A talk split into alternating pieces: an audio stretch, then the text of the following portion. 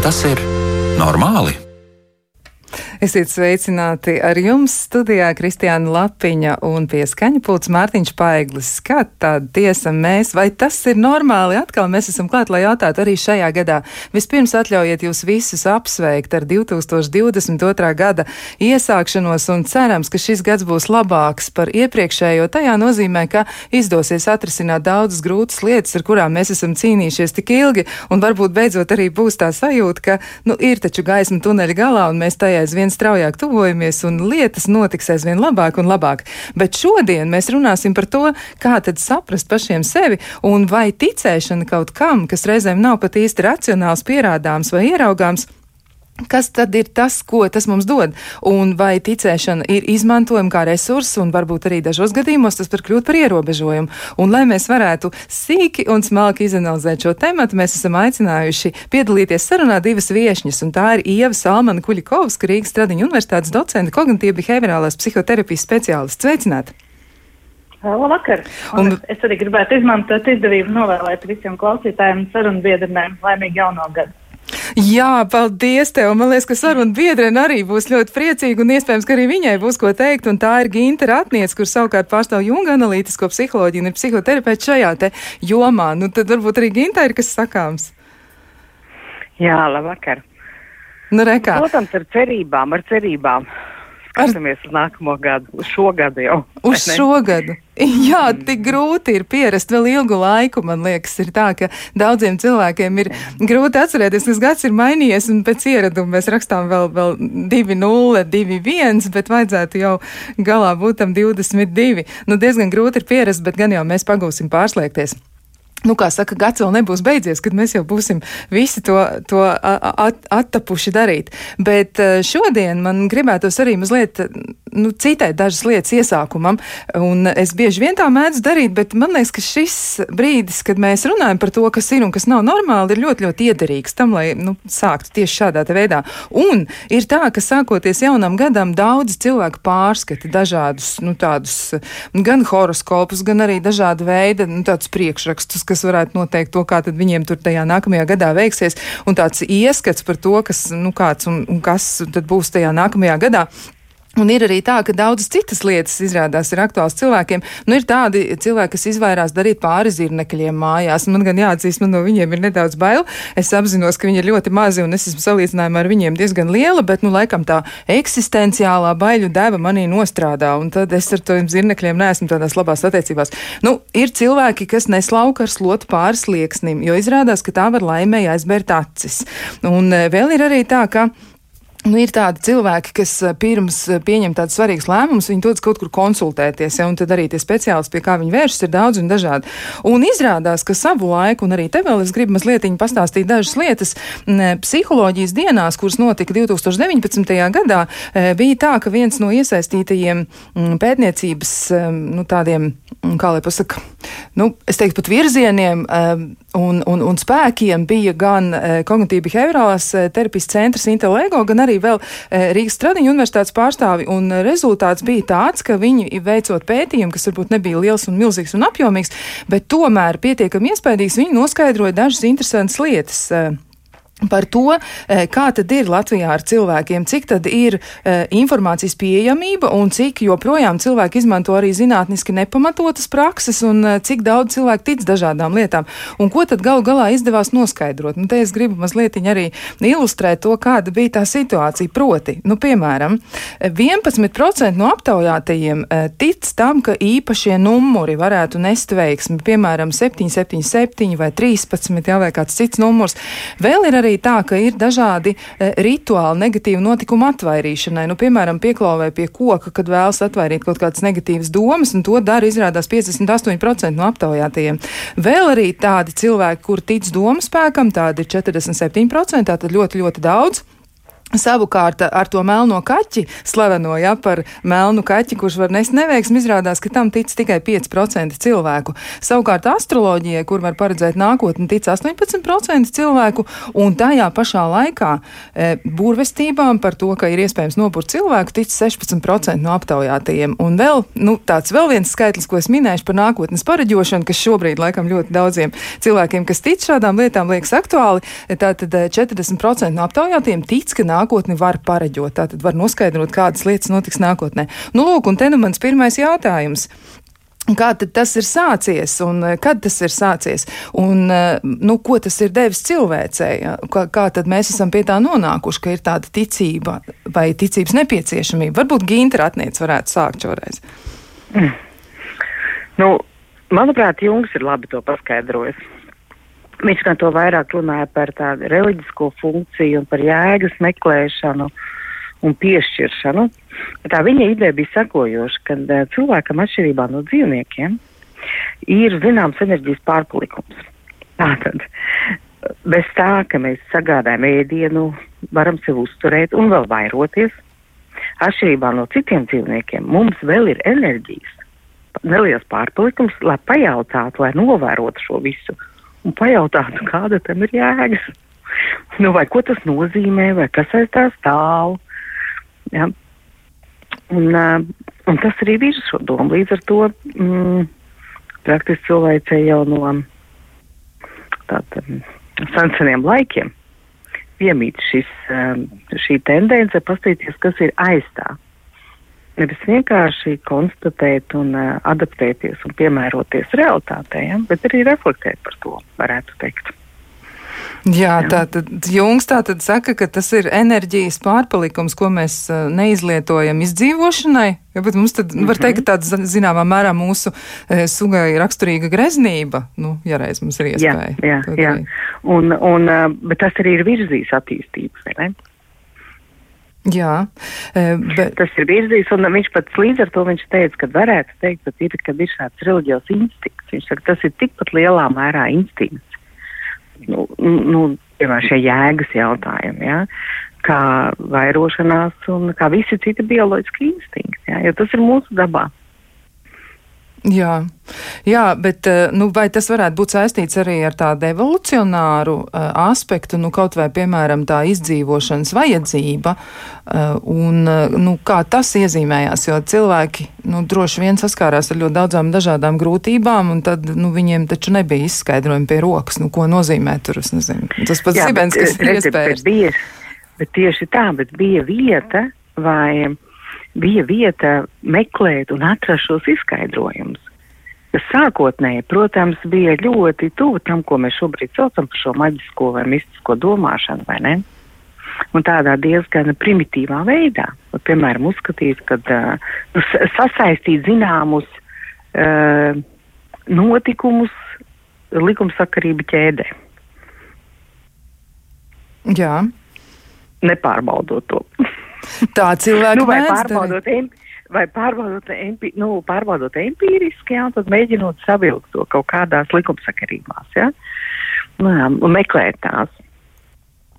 Jā, nu tā cilvēki mēdz darīt, bet tai pašā laikā, e, nu tad, e, ja mūsdienās vairs šāda te izdzīvošanas nodrošināšana, izmantojot šādu mehānismu, varbūt nav tik ļoti nepieciešama, jo zināt, mums ir ļoti daudz ko iedavusi, nu precīzāk cilvēki paši ir daudz lietas atklājuši, jo projām e, cilvēcei saglabājas tendence ticēt. Kā to var izskaidrot? Ginta. Nu, tieši tā, ka šis mums joprojām ir šis enerģijas pārpalikums. Tātad mēs vēl joprojām esam spējīgi to apspriest. Jā, nu ko, ko šajā sakrībā varētu Ieva Salmana Kuļikovska teikt? Kā tev tas izskatās no tavas puses raugoties, jo nu, cilvēcei tas ir noteikti daudz devis un dod joprojām. Bet, um, jā, kāpēc joprojām mēs ticam tādām lietām? Nu, tas pats melnais kaķis, viņš gan tur daudz nav aizsteidzies priekšā. 5% tikai no aptaujātiem cilvēkiem tam tic, bet tomēr. Nu jā, tam ir vairāk iemeslu, protams, bet nu, tā pamata, pamata zinūs, kāpēc, mēs, kāpēc mums ir raksturīga tā saucamā maģiskā domāšana, tāpēc, ka cilvēki vēlas drošību, sajū, drošības sajūtu. Ja mēs skatāmies no tāda socioloģiskā skatījuma, tad šobrīd mēs dzīvojam tādā ārkārtīgi augsts nedrošības laikmetā. Mēs pārējām uz tā saukto postmodernitāti, kurā ir dažādas teorijas un trūkst tādas absolūtās autoritātes un, un nav komfortabli justies nedroši, tāpēc mēs nu, meklējam kaut kādas zīmes, kaut kādas, uh, uh, kaut kādas norādes, kas mums var likties justies drošāk un uh, kaut kādā mē, veidā mēģinam to realitāti kontrolēt. Un zināmās devās jau tas nekas slikts nav, jo, nu, piemēram, kaut kāda noteikta maģiska domāšana tādā pozitīvā izpausmē varbūt veids, nu, kā cilvēks samazina trauksmi. Nu, piemēram, viņš uzliek sev kaut kādu amuletu vai paņem līdzi Un tas viņam rada drošības sajūtu un iedarbina tur noteikti smadzeņu programmas. Un, piemēram, arī, nu, ja cilvēks ir ļoti emociju pārņemts, viņam ir kaut kādas izteiktas bailes, un ja tās ir pārmērīgas, tās var uh, bez šaubām traucēt. Un kamēr tas ir tādās veselīgās izpausmēs, tad to jau nav nekāda problēma. Bet uh, tās problēmas uh, rodas uh, tā, ka mēs tik ļoti to realitāti gribam kontrolēt. Un, uh, un, un, un mazināt šo trauksmi, ko mums rada nenoteiktība, ka, ka mums ir vajadzīga kaut kāda, nu, ar šo rituālu palīdzību mēs īstermiņā izkā trauksmi mazinām, uh, bet ilgtermiņā nu, tā trauksme atgriežas un cilvēks sāk kļūt atkarīgs no šādu rituālu veikšanas. Un, um, jā, konsultācijās un sesijās mēs bieži redzam trauksmes traucējumus, kas izpaužas tā, kā tādas uzmācīgas domas, un spaidu darbības, nu, ka cilvēks nu, nevar izdzīvot, neveicot kaut kādus noteiktus rituālus. Tā, protams, ir patoloģija, nu, kas cilvēkam tad nevis palīdz, bet drīzāk traucē. Jā, bet kā to varētu saistīt kopā ar to, ka nu, pētījumā, kurš tika iepriekš pieminēts, ja tātad tie rituāli negatīvi notikumi atvairīšanai un ka cilvēki to dara un viņi tiešām klauvē pie koka vai viņi spļauj pār kreiso plecu, viņi dara daudz citas lietas, nu, to ir atzinuši par sevi 58% no aptaujātajiem. Un es saprotu, ka tur tas skaitlis bija diezgan iespaidīgs e, no, no respondentiem, no kuriem tika ievākt šie, te, šī, šīs atbildes. Nu, tas ir diezgan daudz. Tad eh, kas varētu mhm. būt sakāms par to, kāpēc tik ļoti daudz cilvēki Un, un kas ir par iemeslu, tad varbūt kāpēc tik ļoti daudz cilvēki joprojām pieturas pie šāda veida metodas? Varbūt mm. tā to mēs varam mēģināt nosaukt. Mm. Ieva.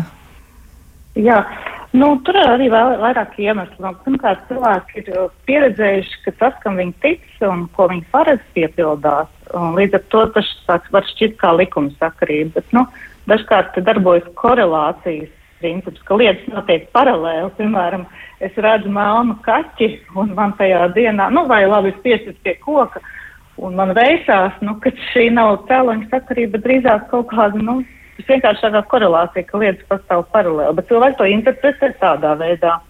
Tāpēc arī ir tāds pašpiepildošā pareģojuma fenomens, piemēram, cilvēkam ir noteikti pārliecība, un viņa pārliecība liek bieži neapzināti rīkoties, lai šo pārliecību apstiprinātu. Nu, piemēram, viens piemērs ir placebo efekts. Un, ja cilvēks sagaida kaut kādu noteiktu rezultātu, tad tas rezultāts var arī būt nu, tāds, kā viņš to sagaida. Nu, tur var būt dažādi piemēri. Tad ir vēl tāda apstiprinājuma kļūda, ka, piemēram, mēs atceramies tās lietas, kas mums piepildījās, un uh, Mēs atceramies tos faktus, kas atbalsta, nevis noraida to mūsu sākotnējo pieņēmumu. Nu, mēs atceramies tās lietas, kas piepildījās, nevis tos pareģojumus un tās sakritības, kas nepiepildījās. Lūk, šāda domāšanas kļūda. Uh, arī nu, mūsu racionalitāti ietekmē. Un, principā, cilvēks pēc būtības ir neracionāli. Arī mums pašiem liekas, ka mēs esam ļoti racionāli, bet mūs ļoti lielā mērā vada emocijas. Un viena no pirmajām lietām, ko, piemēram, iemācās mārketinga psiholoģijā, ir tas, ka cilvēks pērk lietas balstoties uz emocijām un tikai pēc tam to izskaidro ar racionalitāti un loģiku. Un tad ir vēl tāds jēdziens kā afekta heiristika, kas ir tāds saucamā domāšanas kļūda. Piemēram, ja mums kaut kas liekas pievilcīgs vai mums patīk kāds, kas kādu ziņu pauž, mēs automātiski liecamies tam ticēt. Un tas ir, nu, tā, ka šīs visas domāšanas kļūdas mūs ietekmē. Un atsakoties tās tā atzīt, pamanīt un izvērst, tas nenozīmē, ka viņas mūs neietekmē.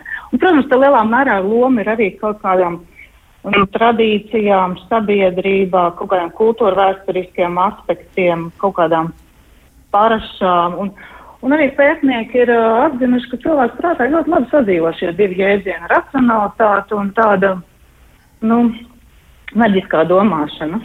Tā es domāju, ka tas lielā mērā ir arī tas, ka uh, mums, mūsu smadzenēs, var teikt, ir vieta abām šīm domāšanām, kas var pastāvēt paralēli gluži labi. Jā, tas ir interesanti, ka tas tā notiek, un te man gribas atgriezties pie Gintas eh, un jautāt viņai, bet kā tas nākas? Nu, mēs taču, kad bērni ir mazi, un mēs paši esam bijuši mazi, un, un atceramies daļai arī savu bērnību, nu, kaut kādas epizodes arī mums ir bijusi raksturīga maģiskā domāšana. Kā tad tas notiek, ka cilvēks no mhm. maza, maza cilvēka, kurš tic daudzām lietām, un mēs paši iespējams to arī veicinām, ja kāpēc tam tad nonāk līdz tam, ka mēs spējam atšķirt, kas tad, kas tad strādā un kas nestrādā? Jā, nu, protams, ka bērniem domāšana uh, attīstās. Ja, un uh, bērniem 3 līdz 5 gadu vecumā tas ir piln, pilnīgi normāls domāšanas veids, šī maģiskā domāšana, tā saucamā. Ja. Nu, respektīvi, kāpēc tas notiek? Jo bērni vēl nenodala.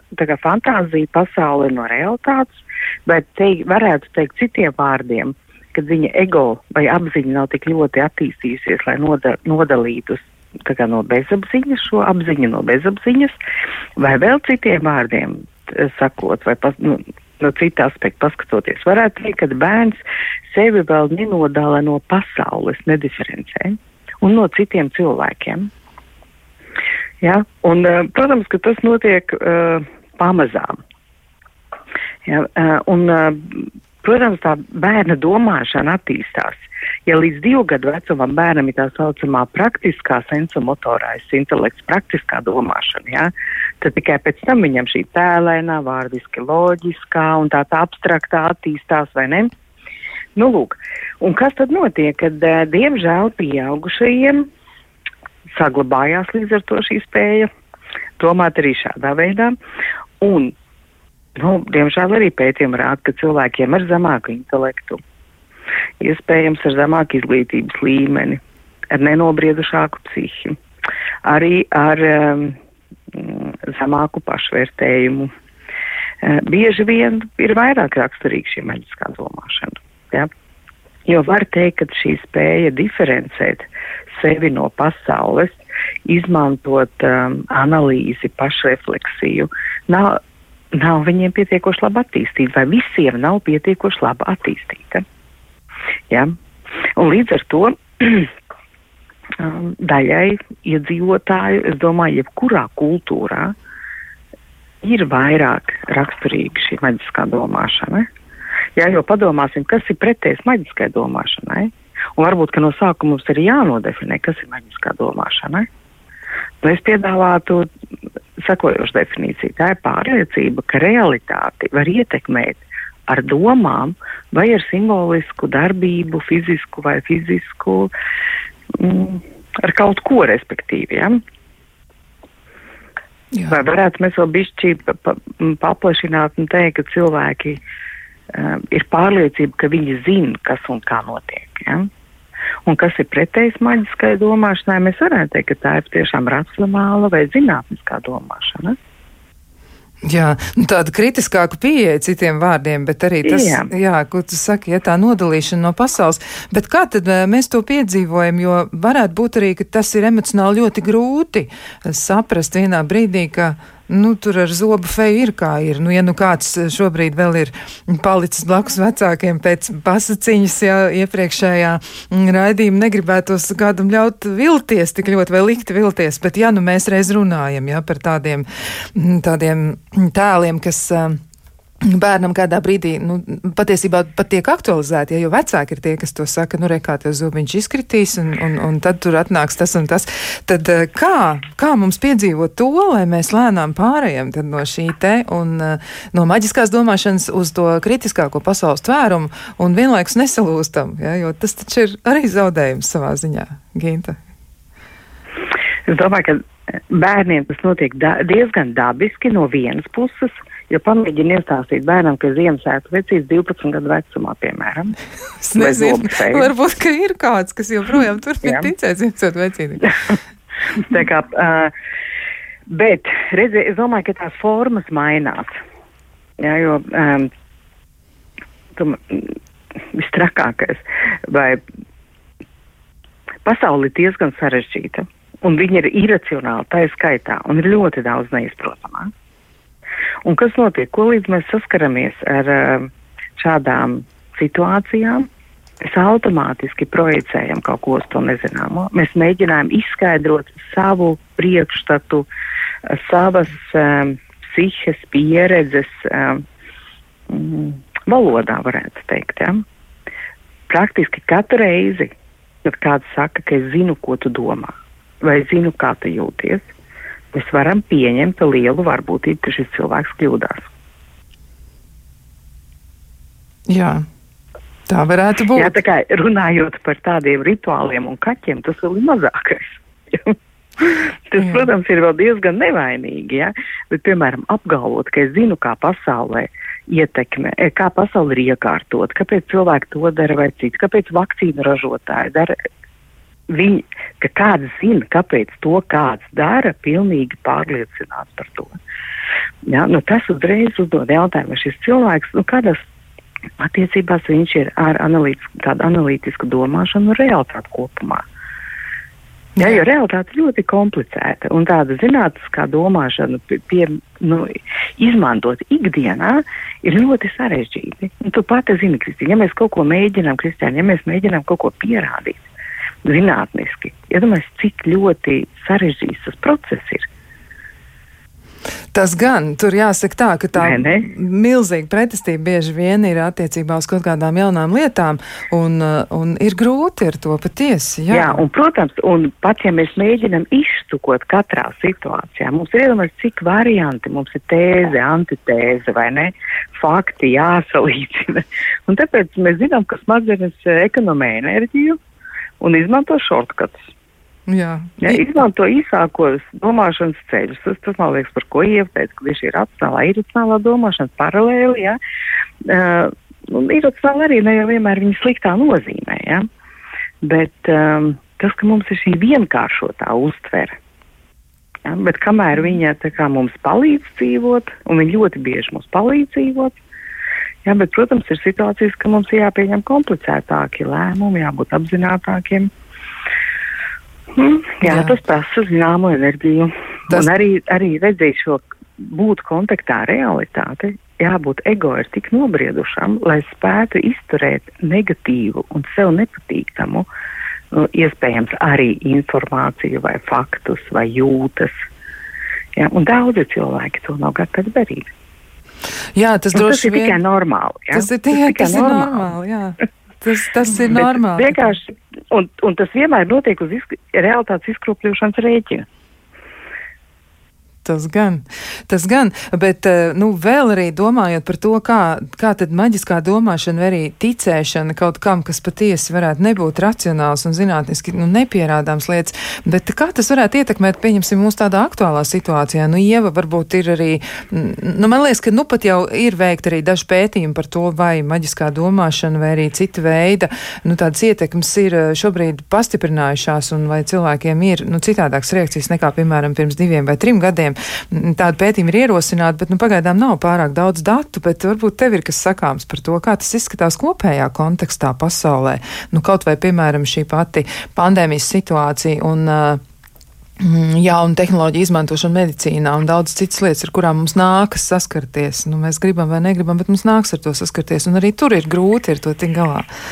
Kā tur tas nu izskatās?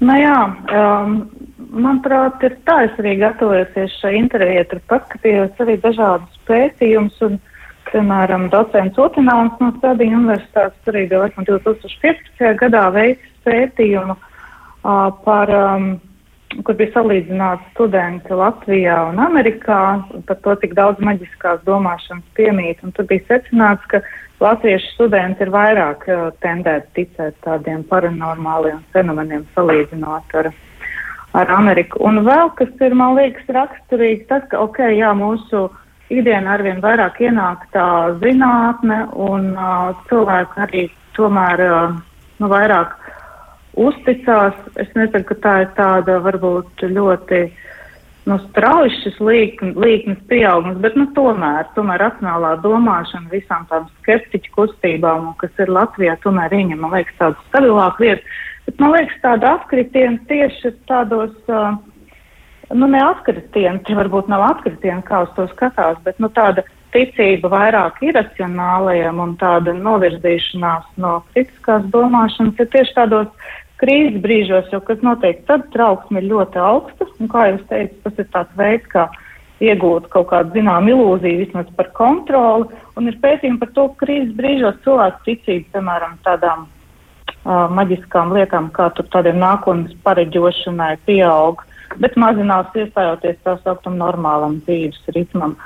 Un es arī lasīju, ka tāda pirmā astroloģijas leja, kas tika pasūtīta avīzē, bija lielāka depresijas laikā, 1930. gadā, un, piemēram, 2008. gadā Latvijā, kad atkal bija tā finanšu krīze, tad cilvēki atkal vairāk me meklēja tādus, nu, tādas autoritātes, kas viņiem varētu pateikt, kā tad būs nākotnē, jo tās struktūras, ko cilvēki paļaujās, ir, nu, sāk brukt. Un, man liekas, tas ir līdzīgi arī kā tagad, kad tā pandēmija ir, uh, ir um, nu, ieviesusi ļoti lielu nenoteiktību mūsu dzīvē.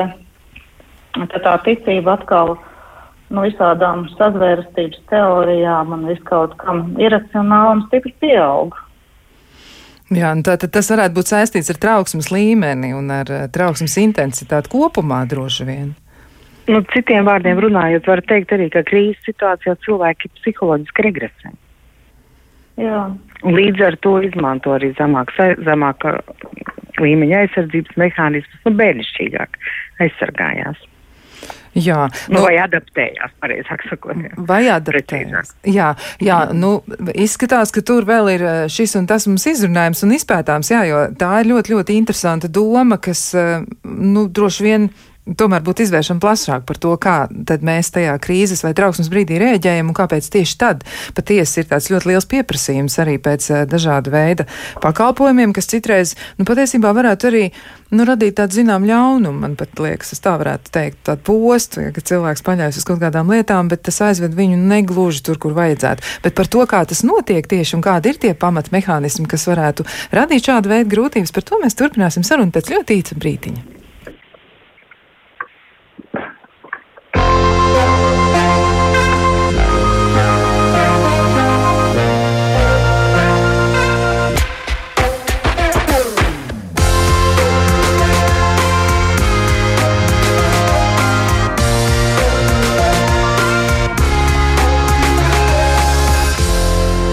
Tas ir normāli? Nu, rekā, šodien mēs runājam par to, vai tas ir normāli, ka mēs ticam, ka melns kaķis pārskrienot pāri e, ceļam varētu sabojāt mums dienu vai radīt kādas nelāgas lietas nākotnē, vai arī vai ir normāli ticēt tam, ka mēs varam pareģot nākotni, vai gal galā ir normāli piesist trīs reizes pie koka un tad atrisinās kādas grūtības. Bet ne tikai par to, protams, arī par tādām dziļākām lietām un par pamatojumu, kāpēc cilvēki joprojām turpina ticēt un kāpēc arī ticēšana vai ticība reizēm ir tik ļoti, ļoti mums nozīmīga un svarīga svarīga. Un atgādināšu arī par viešņām. Tās ir Ieva Salmana Kuļikovska, eh, Rīgas Stradiņu universitātes docenta, kognitīva behaviorālās psihoterapijas speciālista un Ginta Ratniece, kur ir Junga analītiskās psiholoģijas eh, psihoterapijas speciālista. Un eh, man noteikti gribētos arī atgādināt klausītājiem, ka Jūs arī varat iesaistīties raidījumā un raidījuma aktivitātēs, sarunā, diskusijā un piedāvāt arī savas idejas, savu redzējumu. Nu, noteikti jūs to varat izdarīt, izmantojot eh, raidījumu, vai tas ir normāls ziņojumu logu Latvijas radio viens mājaslapā. Jūs varat atrast, kur ziņojumu var ierakstīt, un tad mēs to arī uzreiz saņemsim. Un es aicinu jūs dalīties ar to, kādas ir jūsu e, ticēšanas, varbūt formas vai veidi, vai arī kam tieši jūs ticat, jo iespējams, ka jums ir kas tāds, kas palīdz jums un spēcina jūs un liek jums justies labāk, vai arī jūs pārvarat pārvarat kādas grūtības, izmantojot kādu rituālu, un tas tiešām darbojas. Nu, dalieties ar to, ja vien tas ir iespējams. Un vēl arī noteikti atgādinu, ka varat rakstīt savus, um, savus jautājumus, uzdot jautājumus arī, vai tas ir normāli vai nav par kaut ko, vai arī paust savas idejas un domas, rakstot uz e-pasta adresi, vai tas ir normāli, at Latvijas radio.lv. Un vēl viens atgādinājums arī par podkāstiem, ko mēs esam ierakstījuši jau pagājušajā gadā, 2021. ir vesela sērija ar podkāstiem, kas ir nu, tāds improvizēts psihoterapeitisks sesijas, kuras jūs arī varat noklausīties Latvijas sabiedrisko mēdīju mājaslapā, izmantojot to, vai arī Latvijas Rādio 1. Ja, tā tad noteikti varat sameklēt, un nosaukums ir tieši tāds pats, vai tas ir normāli. Ja, dažādas sarunas ar dažādiem cilvēkiem par dažādām lietām. Bet, lūk, atgriežoties pie Gintas eh, Ratnieces paustās domas par to, ka mēs regresējam tajā brīdī, kad mums ir trauksme un mēs kļūstam bērnišķīgāki. Eh, vai tā varētu būt arī, ka mēs nonākam situācijā, kad kaut kas, eh, kas mums nu, liek kaut kam ticēt vai kaut ko paļauties, mums ir nepieciešams, ka mēs bez tā īsti nevaram iztikt? Nu, ir tādas situācijas dzīvē, kur nu, grūti būtu iztikt bez kaut kā, uz ko paļauties. Ginta, kā tas, kā tas, kā tas varētu būt skaidrojams? Klausoties tevi, man šķiet, ka mums bišķi tad um, mēs varam arī noslīdēt jēdzienos, ja tu, man liekas, lieto šo vārdu ticēt. Un um, man liekas, ka mums jānodala ir tāda māja ticēšana, vai mājticība no tādā reliģiskā nozīmē ticības? Nu, mēs varam mēģināt to izdarīt, jā, jo man starp citu arī par ticību ir, ir es esmu atvēruši šķirkli um, enciklopēdijā, un tā ir pārliecība par kā mm -hmm. patiesumu, atbilstību īstenību, arī pārliecība par kā vērtību, nozīmi, bez pierādījumiem, pārbaudas, paļaušanās, un, e, nu, tā tad tas arī ir, nu, ka ticība kaut ko parādība vai ideju atzīst par patiesu, balstoties uz iekšēju subjektīvu pārliecību un neprasot pierādījumus. Nu, varam, varam mēģināt nodalīt, jā ticību no māņticības. Bet mans jautājums ir par to, vai tas varētu palīdzēt. Jo, ja cilvēkam, nu, piemēram, tas, ka viņš tic, nu, ka 13. numurs viņam palīdz, vai tas varētu arī e, nu, ietekmēt viņu labvēlīgi? Nu, ja viņš izmanto to, piemēram, nu, nezinu, paņem līdzi lapiņu uz eksāmenu ar 13. numuru, ieliek kabatā un noliek to eksāmenu. Man liekas, ka cilvēki diezgan paši suģestējoši. Jā. Jā. Un kā tas patiešām var palīdzēt, tāpat kā pozitīvā domāšana var palīdzēt. Jā, mm. un, ja cilvēks ir ļoti noskaņots, teikšu tā, vai uz šo maģisko domāšanu vai ticēšanu, ja, tad, ja notiks pretējais, tas diemžēl viņu nepārliecinās.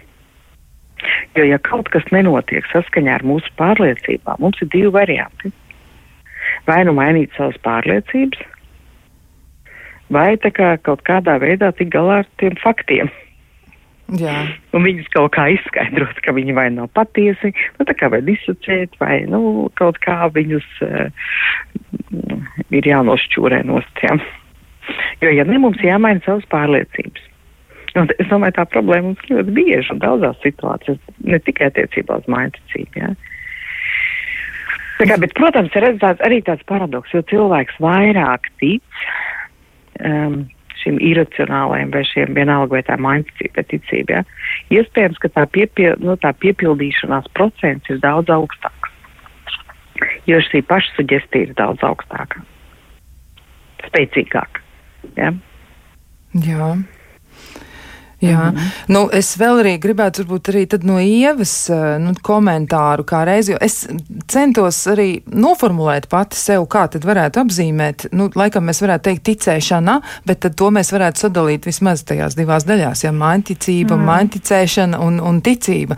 Ja, tad eh, kā tas ir arī par to runājot, runāt par ticību, jo arī tā ir, nu, tāda lieta, kas ir cilvēcei, eh, cilvēks, nu, gan kultūras, gan arī, nu, tāds, tāds visa veida, gan mantojums, gan realitāte. Un ir cilvēki, kas tic, un ir cilvēki arī, kas netic. Bet, ja mēs domājam tieši par to, mhm. ka, ka ir cilvēki, kas tic, tad kas ir tas, ko viņi iegūst? Varbūt tieši runājot par to, nu, ja, ja vispār mēs varam par to runāt, tad par to psiholoģisko pusi.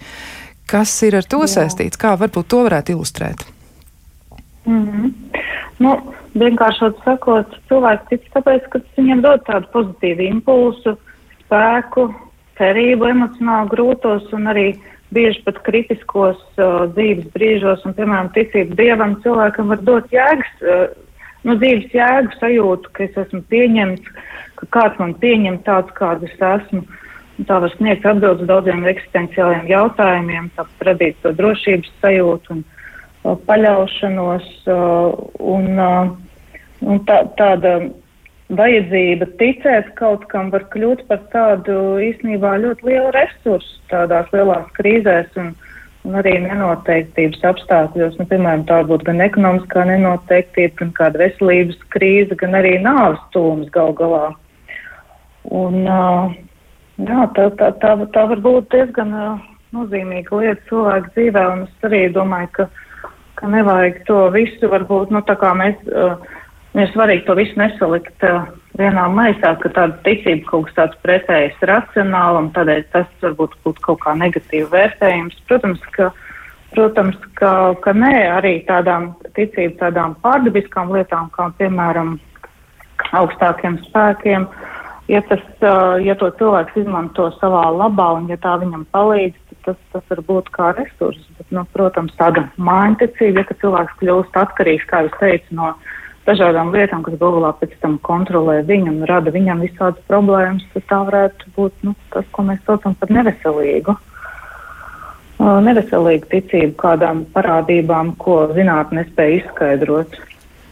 Jā, un ja domā, piemēram, par tādiem nu, ļoti trausliem cilvēkiem. Ginta arī pieminēja pašvērtējumu un arī varbūt pašvērtējumu trauslums. Kā ir ar to, vai, un, un šeit es gribētu mazliet pieskarties arī tādām lietām, kas nu, nav saistītas ar ticību, drīzāk tā būs varbūt māņticība, vai varbūt arī tās būs nu, kaut kādas tādas mazākas organizācijas, kas mēģina arī nu, cilvēks piesaistīt, un tā varētu būt arī tā diezgan riskanta lieta. Kuri cilvēki tad ir vairāk pakļauti šādu veidu ietekmei, un kā tas varētu izvērsties? Varbūt nu, šajā gadījumā komentāru varētu vispirms dot Ieva, un pēc tam arī Ginta noteikti. Jo ir citreiz tādas situācijas, ka nu, cilvēki ir noraizējušies par kādu savu radinieku, par kādu tuvinieku, kurš ir nokļuvis nu, kādas ietekmes varā, un, un liekas, ka tur nu, vairs mm. nenotiek lietas kā vajag. Jeb labi. Jā. Nu, jā, protams, ir tāda, ir cilvēki, kuriem ir lielāka dispozīcija uz um, ticību tādām nu, lietām, ko mēs varētu saukt par mājiņticību. Un nu, vien, viens skaidrojums ir teorija par cilvēku pamatvajadzībām, un viena no pamatvajadzībām ir vajadzība pēc drošības. Ja šī vajadzība nav bijusi apmierināta vai ir bijusi nepietiekama apmierināta, var rasties tāda pastiprināta vēlme to kompensēt un um, meklēt atbildes no dažādām autoritātēm, lasīt um, dažādas norādes un tam līdzīgi darīt visu, lai justos pēc iespējas drošāk. Un, nu, tad, protams, ir arī dažādas personības iezīmes, kas veido tādu noteiktu predispozīciju. Piemēram, viena no tādām ir, ko mēs saucam par paranoīdu personību. Nu, cilvēki, kas tā kroniski neusticās citiem, un tas, tas var cilvēku novest līdz pārliecībai, ka cits cenšas mani kontrolēt, piemēram, ar domu palīdzību vai vēlēt man ļaunu vai, vai tam līdzīgi. Tad tas, ko mēs arī saucam par šizotipisku personību, nu, tā ir tāda personība, kas izvairās no sociālo saišu veidošanas, kam patiesībā ir grūtības veidot sociālās saites un, un kam raksturīgi arī dažādi paranormāli parādību saskatīšana. Piemēram, cilvēks uzskata, viņam spēja lasīt citas domas un tam līdzīgi. Un es neatradu pētījumus, bet manuprāt, var pastāvēt arī korelācijas ar tādu nu, mājiņticību ar cilvēkiem, kuriem ir tādas atkarīgas personības iezīmes. Protams, cilvēks pats nespēja pieņemt lēmumu, nesaņemot kaut kādu zīmi vai vadlīnijas no kaut kādas autoritātes vai tam līdzīgi. Jā, nu tas varētu būt diezgan sarežģīti, un sevišķi, ja cilvēks ir ļoti jauns un viņa personība nav vēl tā īsti nobriedusi, tad uh, varētu būt ļoti grūti, uh, jo īpaši tad, ja uh, nu, viņš ir tāds, tāds ļoti jūtīgs un arī viņam ir daudz tajā brīdī tāds, man liekas, eksistenciāla līmeņa problēmas risināmas. Nu, Ginta, kā no tavas puses raugoties, tas izskatās? Nu, tādi cilvēki. Nu. Es domāju, šo sarakstu var tikai papildināt. Jā. Ievs, es piekrītu visam ieteiktajiem, bet vēl arī iespējams pilnīgi pretēji cilvēks ļoti viegli suģistējam. Ja, un ietekmējam, kas vairāk tādu histerīdo pusi, ja. Tādi, un, bet, protams, viss ir atkarīgs eh, no, teiktu, no ego spēka, no spējas izvērtēt realitāti, no spējas, kā vadīt savu emocionālo stāvokli, ja. Jā, tas būtu labi, bet reku būs izaicinājums tieši tev. Klasītāji, viena no klasītājiem ir uzrakstījusi, kā lai izskaidro, ka cilvēks varbūt vienā jautājumā abrīnojami racionāls, taču citā pilnīgi māņticīgs. Nu, piemēram, viņi min vienu no politiskiem spēkiem un virzieniem, ja ka ir ļoti racionāli saistībā ar covid vai, teiksim, ķīmiju un fiziku, taču absolūti iracionāli uzvedas pret cilvēkiem, kuriem ir, eh, nu, kur pārstāv tātad minoritātes attiecībā eh, saistībā ar savu seksuālo identitāti, varbūt tā mēs to varam eh, raksturot, un arī svešu rāsu prasi. Jā? Nu, kā tas nāks, ka cilvēks vienā jautājumā ir ļoti racionāls, un tur viss tā kā liekas ir skaidrs, un citā jautājumā viņš ir absolūti iracionāls. Viņš saka, nu, nē, tam es tur neticu. Un... Jā, bet šis uh, piemērs ir konkrēti saistīts ļoti ar vērtībām. Jā. Vai ne? Vai arī tas varētu noteikt to, ka cilvēks kaut kam tic vai netic? Arī tā vērtības sistēma varētu tur būt iesaistīta. Ginta. Nu, viennozīmīgi. Viennozīmīgi. Jā, Jā. viennozīmīgi, jo ir mums dažos jautājumos lielāka elasticitāte un dažos uh, mazāka, un tas, domāju, ļoti saistīts gan ar pieredzi cilvēku, gan tādām fiksācijām dažādām, jā. Īpaši, jā. Mm. Jā. Īpaši seksualitātes jautājumos un tam līdzīgi. Mm.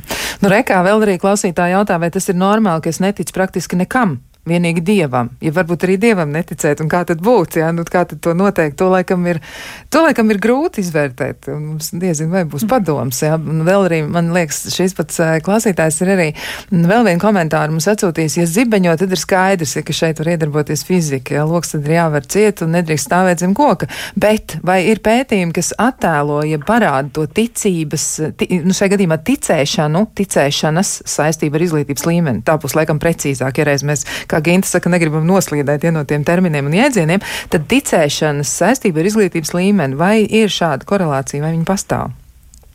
Ieva varbūt varētu komentēt šo.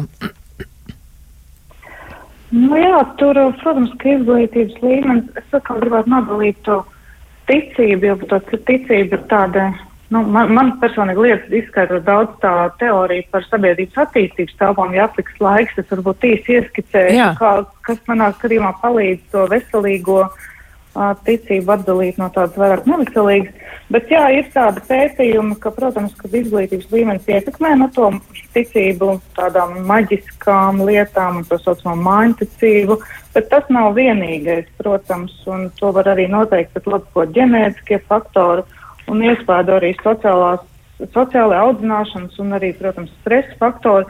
Un kaut kāda atsevišķa cilvēku smadzenēs tādas veidojas tādas dispozīcijas, kurās saskaņā ar kurām viena informācija tiek uzskatīta par interesantāku, varbūt kādā ziņā krāsaināku un svarīgāku nekā cita. Tā kā tur ir, tur ir, protams, daudz faktoru, ne tikai izglītība. Jā, nu rekā mums ir arī ziņa pienākusi no viena no uh, filozofiem Valdis Svirsks mums ir uzrakstījis, uh, un viņš rakstā, ka ir būtiski nošķirt ticību kā intuitīvu priekšzināšanu, kā izjūtu, noturīgu izjūtu un ticējums, pārliecības, kas veidojas pārņemot noteikts kultūras mm. un sabiedrības štampus vai pārveidotas pārsteidzīgas spriedums. Ticība kā eksistenciāla izjūta ir kas viens, bet ticējums kā noteikts mm -hmm. konstrukts ir kas cits. Ticība un ticējums zinātnes izpēcībai, loģikas vai tehnoloģiju izpēcībai ir viena no ticējuma formām formām. Un ticējums gluži kā ideja kļūst bīstams gan individam, gan sabiedrībai, ka tas iegūst absolūto vērtību, ignorējot empātiju vai emocionālo inteliģenci. Nu, man liekas, ka Svirska kungam ir izdevies ļoti, ļoti precīzi nodefinēt mm. to, kā tas ir. Jā, nu, vēl arī no klausītājiem jautājums ir, vai vispār būtu iespējams raksturot, ja kas tad ir normāls cilvēks, cik daudz viņam ir jātic un kur ir tā robeža, ka to vairs nevar saukt par normālu cilvēku, par normālu, normālu ticēšanu. Varbūt tā. Un te, man liekas, ir vieta tieši ievas komentāram, jo tu teici, ja, ka tu varētu raksturot mēs drusciņu vairāk to veselīgo, veselīgo ticēšanu mm. no tās neveselīgās.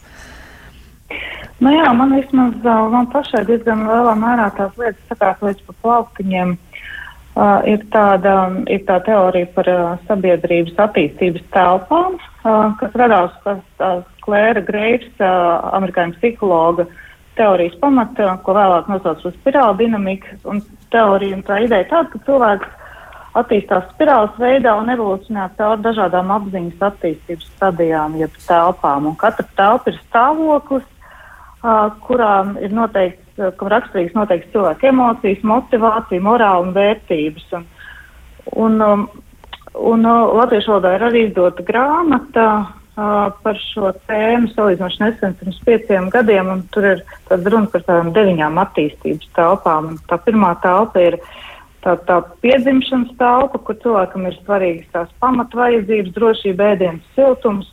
Tad nākamajā telpā sāk veidoties tāda uh, nu, tas, tas, tā, tas mūsu prāta iezīmes, ka mēs sākam ticēt maģiskajam, tai jau pieminētai dobu spējai un tam līdzīgi. Un šajā telpā būtu kopība ar citiem piedarība kritiski svarīga. Un, un tā tālāk, un līdz beidzot piektā telpa ir tā racionālā prāta telpa, kur ir raksturīgi viss zinātnes attīstība, tur attīstās cilvēka autonomija, veidojas kritiskā domāšana un tam līdzīgi. Un es teiktu tā, ka ja tā ticība tādam pārdabiskam ir tajā pirmsracionālajā stadijā, ka tā neintegrē sevi arī šo racionālo telpu, tad tā bieži var būt tāda nu, varbūt nepilnīgi, nepilnīgs skatījums uz to realitāti. Savukārt, man liekas, ticība gan dievam, gan augstākiem spēkiem, gan tā skaitā kaut kādai.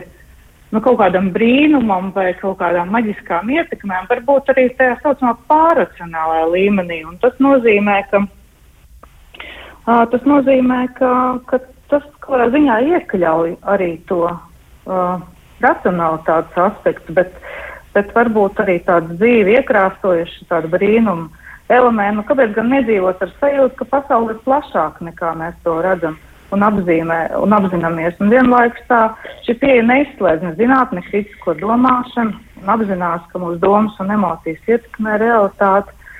Un tas ir tas stāsts, ka cilvēku prātā labi var sadzīvot tas racionālais ar, ar maģisko un savā ziņā šī, šis domāšanas veids ietekmē arī zināmu noteiktu veidu nenoteiktības pieņemšanu, apzināties, ka mēs visu nevaram kontrolēt. Nu, tas manā, nu, kaut kādā manā izpratnē diezgan lielā mērā varētu raksturot to, kas ir normāls cilvēks, ka viņš sevi integrē gan, gan, gan iespējams arī tādus ticības uh, aspektus, kas varbūt nav zinātniski pierādām, bet, bet arī ļoti labi uh, spēja integrēt to, ko ko, nu, ko saka kritiskā domāšana, racionālā mm, zinātnes attīstība, respektīvi tā pārracionālā stadija, kas jau seko pēc tās Nu, es tā ļoti īsi centos izskaidrot, man liekas, tā tāda, nu, priekš manis maz nozīmīga teorija, kas uz tām lietām ļauj paskatīties no citas perspektīvas. Jā, varbūt tu vari vēlreiz atgādināt, kas tas tieši bija, jo iespējams, ka klausītāji arī vēlēsies to atrast, un man liekas, ka tas kā reiz ir ļoti tāds interesants teorētiskais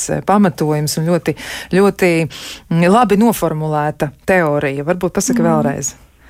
Autors. Klērs Greifs ir teorijas sākotnējais autors 20. gadsimtā, un tad uz to pamatojas vairāk psihologs, piemēram, Kens Vilbers, Piežē, Gepsters. Un latviešu valodā pirms pieciem gadiem ir izdota tiesa ne psihologu, bet trīs vācu teologu grāmata Kistenmacheri un Haberers 29,0 Uh, bet tas um, nu, grāmatas kā vēsta, tā, tās nosaukums runā gan par dievu izpratnes jēdzienu katrā no šīm stadijām, bet ne tikai tā vispār runā gan par cilvēku individuālu attīstību, gan arī sabiedrības attīstību, nu, iešanu cauri tām dažādām, uh, dažādām uz, atšķirīgām uztveres telpām. Viņš noteikti neapgalvo to, ka tās zemā, teiksim, tās telpas, kas bijušas par savu kādā nozīmē, ir sliktākas par nākamajām, bet tās nākamās, tā kā, ietver sevi, integrē to, kas ir bijis iepriekš. Varbūt tas ir tas veselīgais aspekts, manuprāt. Jā, nu ļoti daudz ko noteikti mēs varam izmantot, un arī cilvēks turpina e, paļauties uz daudzām lietām, arī pat tādām, kas nav īsti izskaidrojams un racionāls, un nav tās atverams rokā un aplūkojams, bet tomēr cilvēcei tas ir ļoti nozīmīgi. Bet, e, nu, vēl viens tāds jautājums arī no klausītājiem, bet kā tad ar, nu, šajā gadījumā tātad e, viņš raksta ar ticējumu atšķirībām starp tautībām, jā, vai aizbraucot uz, nu, kā klausītājs raksta, stroļa zemi, ir jāieslēdz visi aizsardzības līmeņi, un arī pierakstīs ir, ka joko, protams, tas ir joks, bet kā tas nāks, ja mēs eh, nu, nemar, nemaz tik viegli nesaprotam citas kultūras un citu, eh, citu kultūru pārstāvis. Mums nav nemaz tik viegli pieņemt to, ka viņi arī kaut kam tic un iespējams tic citādi nekā mēs. Varbūt Ginta varētu to raksturot pašā noslēgumā, kāpēc tās atšķirības ir un kā mums varbūt to pārvarēt. Nu, šeit, man liekas, tas diezgan sarežģīts jautājums. Tiek skaidrs par kultūrālām atšķirībām, un tiem mītiem, kas ir pamatā un kas atkal ir šai uh, mītiskai domāšanai, kas atkal, ja mēs skatāmies, protams, ir maģiskā domāšana, ja, un pretpols varētu būt šī simboliskā domāšana. Bet tas, man liekas, ko Ieva pieminēja, bet nedaudz citiem vārdiem. Ja. Um, mm. Tā ir ne tikai um, ticēt kaut kam, bet jautājums, vai ticēt vai kādam ticējumam vai ticībai, bet jautājums, kāda ir mūsu ego apzināta attieksme pret to. Ja mēs to uztveram, ka tas ir tā un tikai tā, un tā kā identificējamies ar šo, bet ja mēs veidojam attiecības ar to, ko mēs ticam, Ja, mēs to pētām, tas ir tās dzīves attiecības, tas objekts arī ir mainīgs, ja, un mēs esam mainīgi, un uh, tas ir diezgan jau sarežģīts process. Ja. Un, protams, un katram mums ir šī vēsturiskais uh, backgrounds, iedomājieties, ja mēs uh, arī tā ticība ir dažāda Jāņu ugunskuram, vai ne? Jā. Mēs neviens vairāk neticam, ja mēs tur uh, nodarbosimies ar seksu lauka malā, ka tāpēc tiešām būs labāk kartupeļi, ja? Nu. Bet uh, kādreiz cilvēki tam patiešām ticēja. Bet vienalga tas, uh, šī tradīcija ir palikusi, varbūt ne tieši par seksu, bet par Jāņu ugunskuru, ja? Tā kā vienalga, mēs, tā ir vairāk kā kultūras sastāvdaļa, ja, šie ticējumi, ja? bet mēs jau viņiem, viņiem nav vairāk tā, tā ticējuma spēka, kas bija iepriekš. Ja, tāpēc arī ir runa par tādiem dzīviem simboliem ja, un, un rituāliem, kas, diemžēl, varbūt, kultūra pat ir diezgan noplicinājusies, kad jāmeklē citi simboli, kam mēs varam ticēt, kas mums palīdz šos dzīvi, atbildēt šiem dzīves lielajiem jautājumiem notikumiem iet cauri. Jā, tas gan. Nu, tā ir. Tā ir tā savstarpējā saprašanās. Tā arī ir tāda ļoti grūta lieta, bet tāpat laikā tas, ko tu saki, man ļoti tā paliek prātā par to, ka ja ir tās attiecības, droši vien arī pieņemt citādo, un citādība ir vieglāk, jo Jā. pasaule ir tik ļoti, ļoti dažāda. Nu, arī kā Ieva teica, nu, varbūt mēs varam raudzīties uz to kā uz plašāku vietu. Nu, jā, nu, man jāsaka, ka šī saruna bija ļoti, ļoti saistoša. Vismaz man tā šķita pašai, un man liekas arī, ka noteikti par kaut kādām lietām mums vēl ir kādā brīdī jāturpina runāt, un uh, tas uh, mani aizved vēl kaut kur tālāk, manas domas attīsta, un es domāju, arī klausītājiem varētu būt savas idejas par to, kā mēs šo sarunu varētu virzīt tālāk un izpētīt vēl arī citas lietas. Nu jā, e, nu mēs esam pietuvušies sarunas beigām. Varbūt e, katrai no jums ir tiešām tieši trīs vārdi, ko jūs varētu novēlēt klausītājiem nākamajā. Nē, šajā gadā. šajā gadā arī es iekritu tajās pašās lamatās. Šajā gadā. Trīs vārdi. Vispirms Ginta un pēc tam Ieva. Nu, es novēlēju tādu interesi par nezināmo tas ir mūsu dzīvē, un tad atvērt un būt pētošiem, nevis pieņemt kā gatavus zināšanu jau kaut ko, ja. Bet vairāk tā kā uzdot jautājumus, nevis turēties pie savām atbildēm. Ak, jā, ļoti labi. Vairāk uzdot jautājumus. Un Ieva, ko teiks? Jā, man tas tikko, ko Gina teica, ļoti, ļoti rezonē. Es gribēju arī līdzīgi teikt, ka esiet zinātkāri, Man liekas, ka zinātnē ir brīnišķīgi īpašība, un kādreiz ir daudz labāk, varbūt, ja ir tie jautājumi, nekā gatavs atbildības uz visu.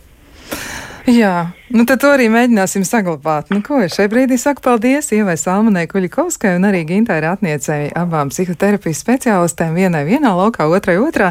Un eh, paldies par šo brīnišķīgo sarunu. Un eh, es no jums savukārt atvedos. Mani sauc Kristiāna Lapiņa. Šis bija raidījums, vai tas ir normāli. Pie skaņa pults bija Mārtiņš Paiglis, bet jūs bijāt tur savā pusē, katrs pie sava radio.